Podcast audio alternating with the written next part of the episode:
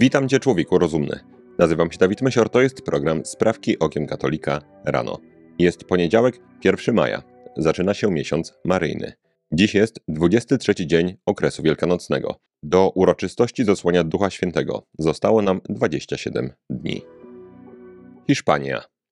Jak informuje hiszpański portal El Debate, powołując się na dane hiszpańskiego Ministerstwa Zdrowia, rośnie liczba dokonywanych w Hiszpanii aborcji. Jak czytamy, od wejścia w życie ustawy w lipcu 2010 roku, w której wprowadzono depenalizację praktyki aborcji w pierwszych 14 tygodniach życia, średnio 100 tysięcy kobiet rocznie decyduje się zakończyć życie swoich dzieci. Według danych w roku 2021 aborcji poddało się 90 189 kobiet między 15 a 44 rokiem życia. Przewyższa to dane z 2020 roku, gdy aborcji dokonało 88 269 kobiet. Najwięcej aborcji dokonano w mocno lewicowej Katalonii 13,42% wszystkich przypadków.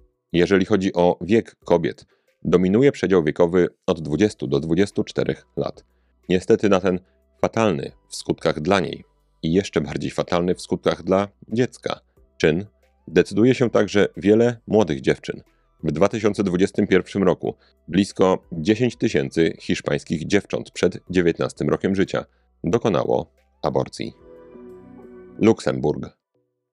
Arcybiskup Luksemburga, kardynał Jean-Claude Hollerich, w miniony czwartek udzielił wywiadu dla włoskiej prasy, w którym bardzo krytycznie odniósł się do tzw. Tak niemieckiej drogi synodalnej. Hierarcha zarzucił niemieckim biskupom, że nie przemyśleli wystarczająco wspólnego procesu synodalnego Kościoła, a działają według zasady zrobimy swoje, a potem zobaczymy, co zrobią inni. Zdaniem biskupa niemiecka droga synodalna wypacza ideę synodalności, gdyż nie polega ona na dzieleniu się władzą, jak uczynili to Niemcy, a na współdziałaniu na rzecz wzajemnej posługi i służby. W wywiadzie czytamy: Jeśli służba zamieni się we władzę, powstanie problem. Właściwym pytaniem nie jest to, w jaki sposób można podzielić się władzą, ale co zrobić, aby powrócić do posługi i służby. Tak zwana niemiecka droga synodalna staje się prekursorem najbardziej radykalnych reform w kościele niemieckim od lat.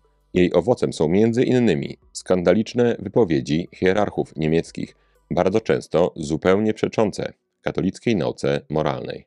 Natomiast nie możemy zapominać, że sam kardynał Hollerich jest w swoich poglądach bardzo postępowy. Uważa i mówi to na głos, że moralność katolicka myli się co do oceny aktów homoseksualnych oraz że kapłaństwo kobiet jest warte rozważenia. Trzecia sprawka to krótka żywotów świętych dawka. Dziś wspomnienie świętego Józefa, robotnika, oblubieńca Najświętszej Maryi Panny. Święty Józef pochodził z rodu króla Dawida. Mimo wysokiego pochodzenia nie posiadał żadnego majątku. Na życie zarabiał stolarstwem i pracą jako cieśla. Zdaniem świętego Justyna, Józef wykonywał sochy drewniane i jarzma na woły.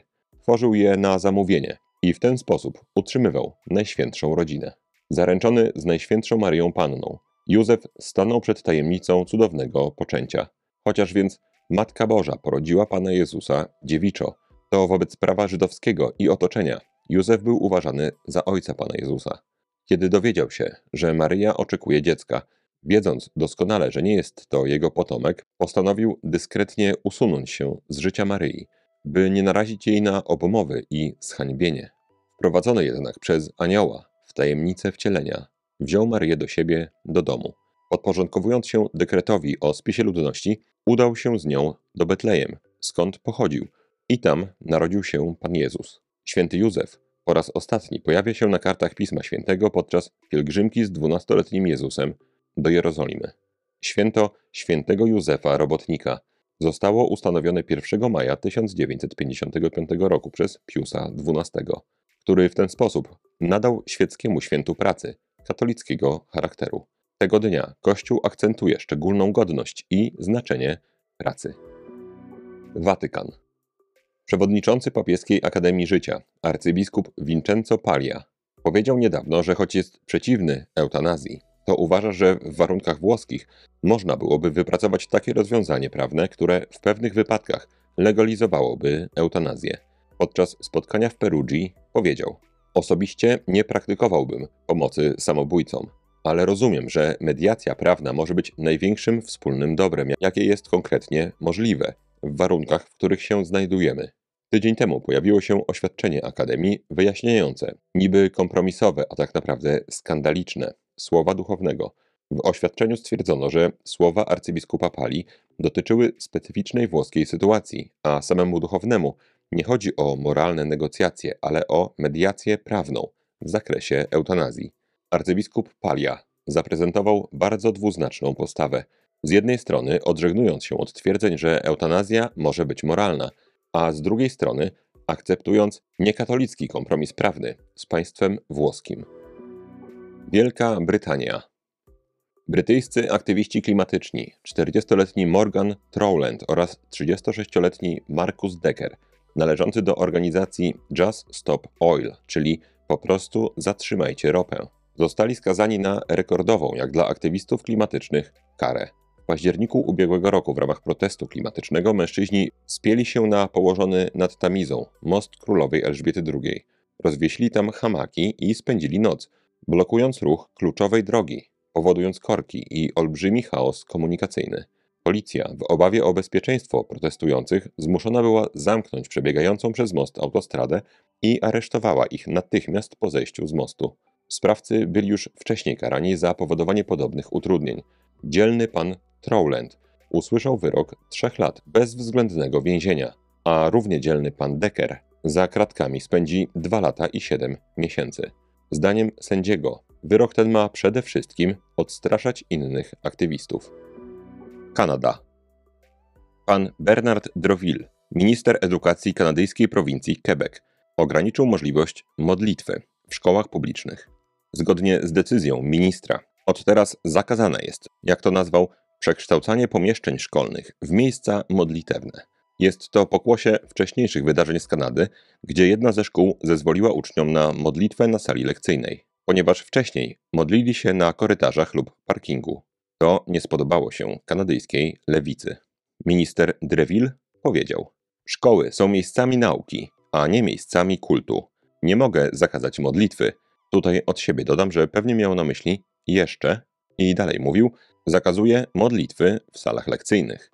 Istnieje wiele sposobów modlitwy. Oczywiście, jeśli ktoś chce się modlić w ciszy, to jest to jego podstawowe prawo. Oburzenie decyzją ministra wyraziło m.in. kanadyjskie forum muzułmańskie, zarzucając, że doprowadzi to uczniów w Quebecu do poczucia napiętnowania i niesprawiedliwości. Chrześcijanie, jak to bywa w ostatnich latach, już dużo mniej żywotnie niż muzułmanie, walczą o jakiekolwiek sprawy religijne. Stany Zjednoczone. Republikańska gubernator Alabamy, pani Kay Ivey, rozpoczęła kolejny etap walki z ideologią gender w swoim stanie. Po zeszłorocznej penalizacji tzw. Tak operacji zmiany płci dla nieletnich, pani Ivey nakazała usunięcie z 1400 klas przedszkolnych materiałów propagujących ideologię gender. Materiały te stanowiły tzw. Tak pomoc edukacyjną, przygotowującą nawet czteroletnie dzieci do kontaktu z osobami LGBT. Konserwatywna pani gubernator wypowiedziała bardzo budujące słowa. Wychowanie dzieci w Alabamie stanowi dla mnie jako gubernator priorytet i absolutnie nie ma mowy o tym, abym z tej misji miała się wycofywać. Pomysły w stylu gender, woke nie mają nic wspólnego z wychowaniem na właściwym poziomie i nie ma dla nich miejsca w szkołach w Alabamie. Warto przypomnieć także komentarz pani Ivy do przepisów delegalizujących tzw. Tak zmianę płci. Mówiła wtedy: Nasi młodzi ludzie stoją przed bardzo realnymi wyzwaniami, zwłaszcza w obliczu dzisiejszej presji społecznej i nowoczesnej kultury. Bardzo mocno wierzę, że jeżeli dobry Bóg uczynił cię chłopcem, jesteś chłopcem, a jeżeli uczynił cię dziewczynką, jesteś dziewczynką. Polska. Polski oddział radykalnej ekologicznej organizacji Greenpeace w minionym tygodniu zatamował odpływ wód z kopalni Halemba, znajdującej się w Rudzie Śląskiej. Jak wskazują sami aktywiści, akt ten miał chronić rzekę Odrę przed zatruciem wodami z kopalni. Na Twitterze napisali: Rząd nie robi nic, by zatrzymać trucie Odry przez kopalnie. Dlatego aktywiści i aktywistki Greenpeace sami podjęli działania i założyli symboliczną blokadę na zrzut ścieków z kopalni Halemba. Aktywiści nie pomyśleli jednak lub po prostu mają to w nosie, że zablokowanie odpływu wód może narazić ciężko pracujących górników na zalanie, a tym samym naraziło ich zdrowie i życie. Polska Grupa Górnicza, do której należy kopalnia Halemba, wydała oświadczenie, w którym czytamy: PGG stanowczo protestuje przeciwko nielegalnym działaniom aktywistów Greenpeace w pobliżu kopalni Halemba w Rudzie Śląskiej, które poważnie narażają bezpieczeństwo załogi i oczerniają spółkę przy pomocy kłamliwych twierdzeń. Ostatnia sprawka to krótka rozprawka. Proste pytanie: czy prawdziwy katolik ma walczyć o swoje? Przez wiele już lat karmieni byliśmy pewną wizją katolika, który nigdy nie walczy o swoje. Jeżeli ktoś cię atakuje, odpuść mu. Jeżeli ktoś nie chce ustąpić w jakiejś sprawie, która was dzieli, ustąp ty. Jeżeli ktoś cię obraża, wybacz mu, pomódl się za niego. Czy jeżeli ktokolwiek powie coś ostro, to jest nie po katolicku. Jeżeli ktoś sprawi przykrość, to jest nie po katolicku. Wszyscy praktycznie w tym wyrośliśmy. Czy z taką postawą jest jakiś problem? Czy ja chcę powiedzieć wam, że katolik ma walczyć o swoje? No więc moi drodzy, absolutnie nie. Katolik nigdy nie powinien walczyć o swoje. Jeżeli będzie walczył o swoje, będzie to raczej inspirowane duchem tego, co zrobił Lucyfer na samym początku. Czy więc dobrze nas uczą, że połóż uszy po sobie, wycofaj się, machnij ręką, odpuść. I to, moi drodzy, uwaga, jest czyste, duchowe AIDS. Katolik nigdy nie powinien walczyć o swoje. Katolik powinien swoje ego umartwiać. Jeżeli ktoś wyrządzi mu niesprawiedliwość, powinien wybaczyć i nie szukać zemsty. Dlaczego więc mówię, że to jest jakiś AIDS? Ponieważ to nauczanie jest bardzo zwodnicze. Katolik nigdy nie powinien walczyć o swoje. Natomiast katolik powinien i musi do upadłego walczyć o sprawiedliwe. Jeżeli ktoś wyrządzi ci niesprawiedliwość, ty masz wybaczyć i nie szukać zemsty. Natomiast w tym samym czasie ktoś wyrządził niesprawiedliwość sprawiedliwości. Jeżeli zawsze w takiej sytuacji powiesz: Jestem katolikiem, odpuszczam, wycofuję się, to oddajesz świat ludziom niesprawiedliwym. Jeżeli za każdym razem ktoś wymusi na tobie coś, co jest sprzeczne z porządkiem naturalnym albo porządkiem społecznym, to ulegnięcie mu wtedy jest bardzo dużym błędem. I tutaj wchodzi temat sumienia. To już we własnym sumieniu trzeba ważyć, czy walczysz o sprawę, bo włączyło się twoje ego. Walczysz o swoje, chcesz mieć rację, chcesz, żeby twoje było na górze. To jest niekatolickie. Natomiast nigdzie nie jest powiedziane, że jak ktoś proponuje ci rozwiązanie niesprawiedliwe, to ty masz na to przystać, bo ty wyrządzasz wtedy gwałt sprawiedliwości. Niezrozumienie tego niestety zaowocowało powstaniem całych pokoleń mężczyzn miękkich, mężczyzn bez tożsamości, mężczyzn ciepłych kluch. Ja tam się z nikim kłócić nie będę, jestem katolikiem. Dla siebie się nie kłóć, ale dla sprawiedliwości, dla zachowania porządku naturalnego, dla zachowania porządku społecznego. Musisz się zawsze postawić. Nigdzie nie jest powiedziane: oddaj swoją ojczyznę, swój dom, swoje terytorium ludziom niesprawiedliwym. Czy katolik powinien się mścić? Nigdy. Natomiast absolutnie nie znaczy to, że ma nie zareagować na gwałt, na sobie, na swoich bliskich. Podam wam bardzo prosty przykład. I jak każdy tego typu obraz jest uproszczeniem. Wyobraźmy sobie, że mamy wioskę. Są w niej mężczyźni, kobiety i dzieci. To jest nasza wioska, nasza ojczyzna. Załóżmy teraz, że z wioski, oddalonej o dzień drogi, przychodzą zbrojni, atakują naszą wioskę, wybijają część mężczyzn, a kobiety, i przepraszam, powiedzmy, część dzieci gwałcą i odchodzą. Dla uproszczenia załóżmy, że niczego nie ukradli. Nie ma więc po co ruszać za nimi, aby odzyskać nasze dobro. Tylko wyrządzili nam to, co wyrządzili. I teraz jak na to ma zareagować katolik? To zależy od tego, co zrobią tamci ludzie. Jeżeli oni w tym momencie, powiedzmy, wyniosą się na zawsze z tych ziem i znajdą się na drugiej półkuli, katolik nie rusza za nimi, nie mści się, przyjmuje swój krzyż i oddaje wszystko Panu Bogu.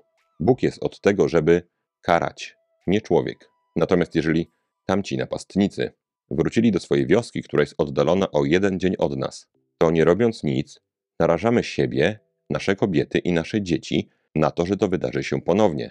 Nie możemy powiedzieć, wybaczamy i zapominamy, bo oni są wciąż blisko i jeżeli nic nie zrobimy, zachęcimy ich do zrobienia tego jeszcze raz i jeszcze raz. Więc, będąc katolikami, zbroimy się najmocniej jak umiemy i uderzamy na tamtą wioskę, żeby unieprawdopodobnić kiedykolwiek ponowienie tego, co zrobili naszym kobietom i naszym dzieciom. Unikamy może bestialstwa, unikamy zemsty, bo zemsta należy do Boga. Natomiast robimy wszystko, co w naszej mocy, aby oni już nigdy więcej nie mogli tego zrobić, tym, za których jesteśmy w pełni odpowiedzialni. Zemstą byłoby na przykład zgwałcenie ich kobiet. Zemstą byłoby skrzywdzenie ich dzieci. To byłaby zemsta. Tego zrobić nie możemy. Natomiast wytłuc wszystkich mężczyzn nie jest zemstą, jest obroną, do której nie tylko mamy pełne prawo, ale która jest naszym obowiązkiem.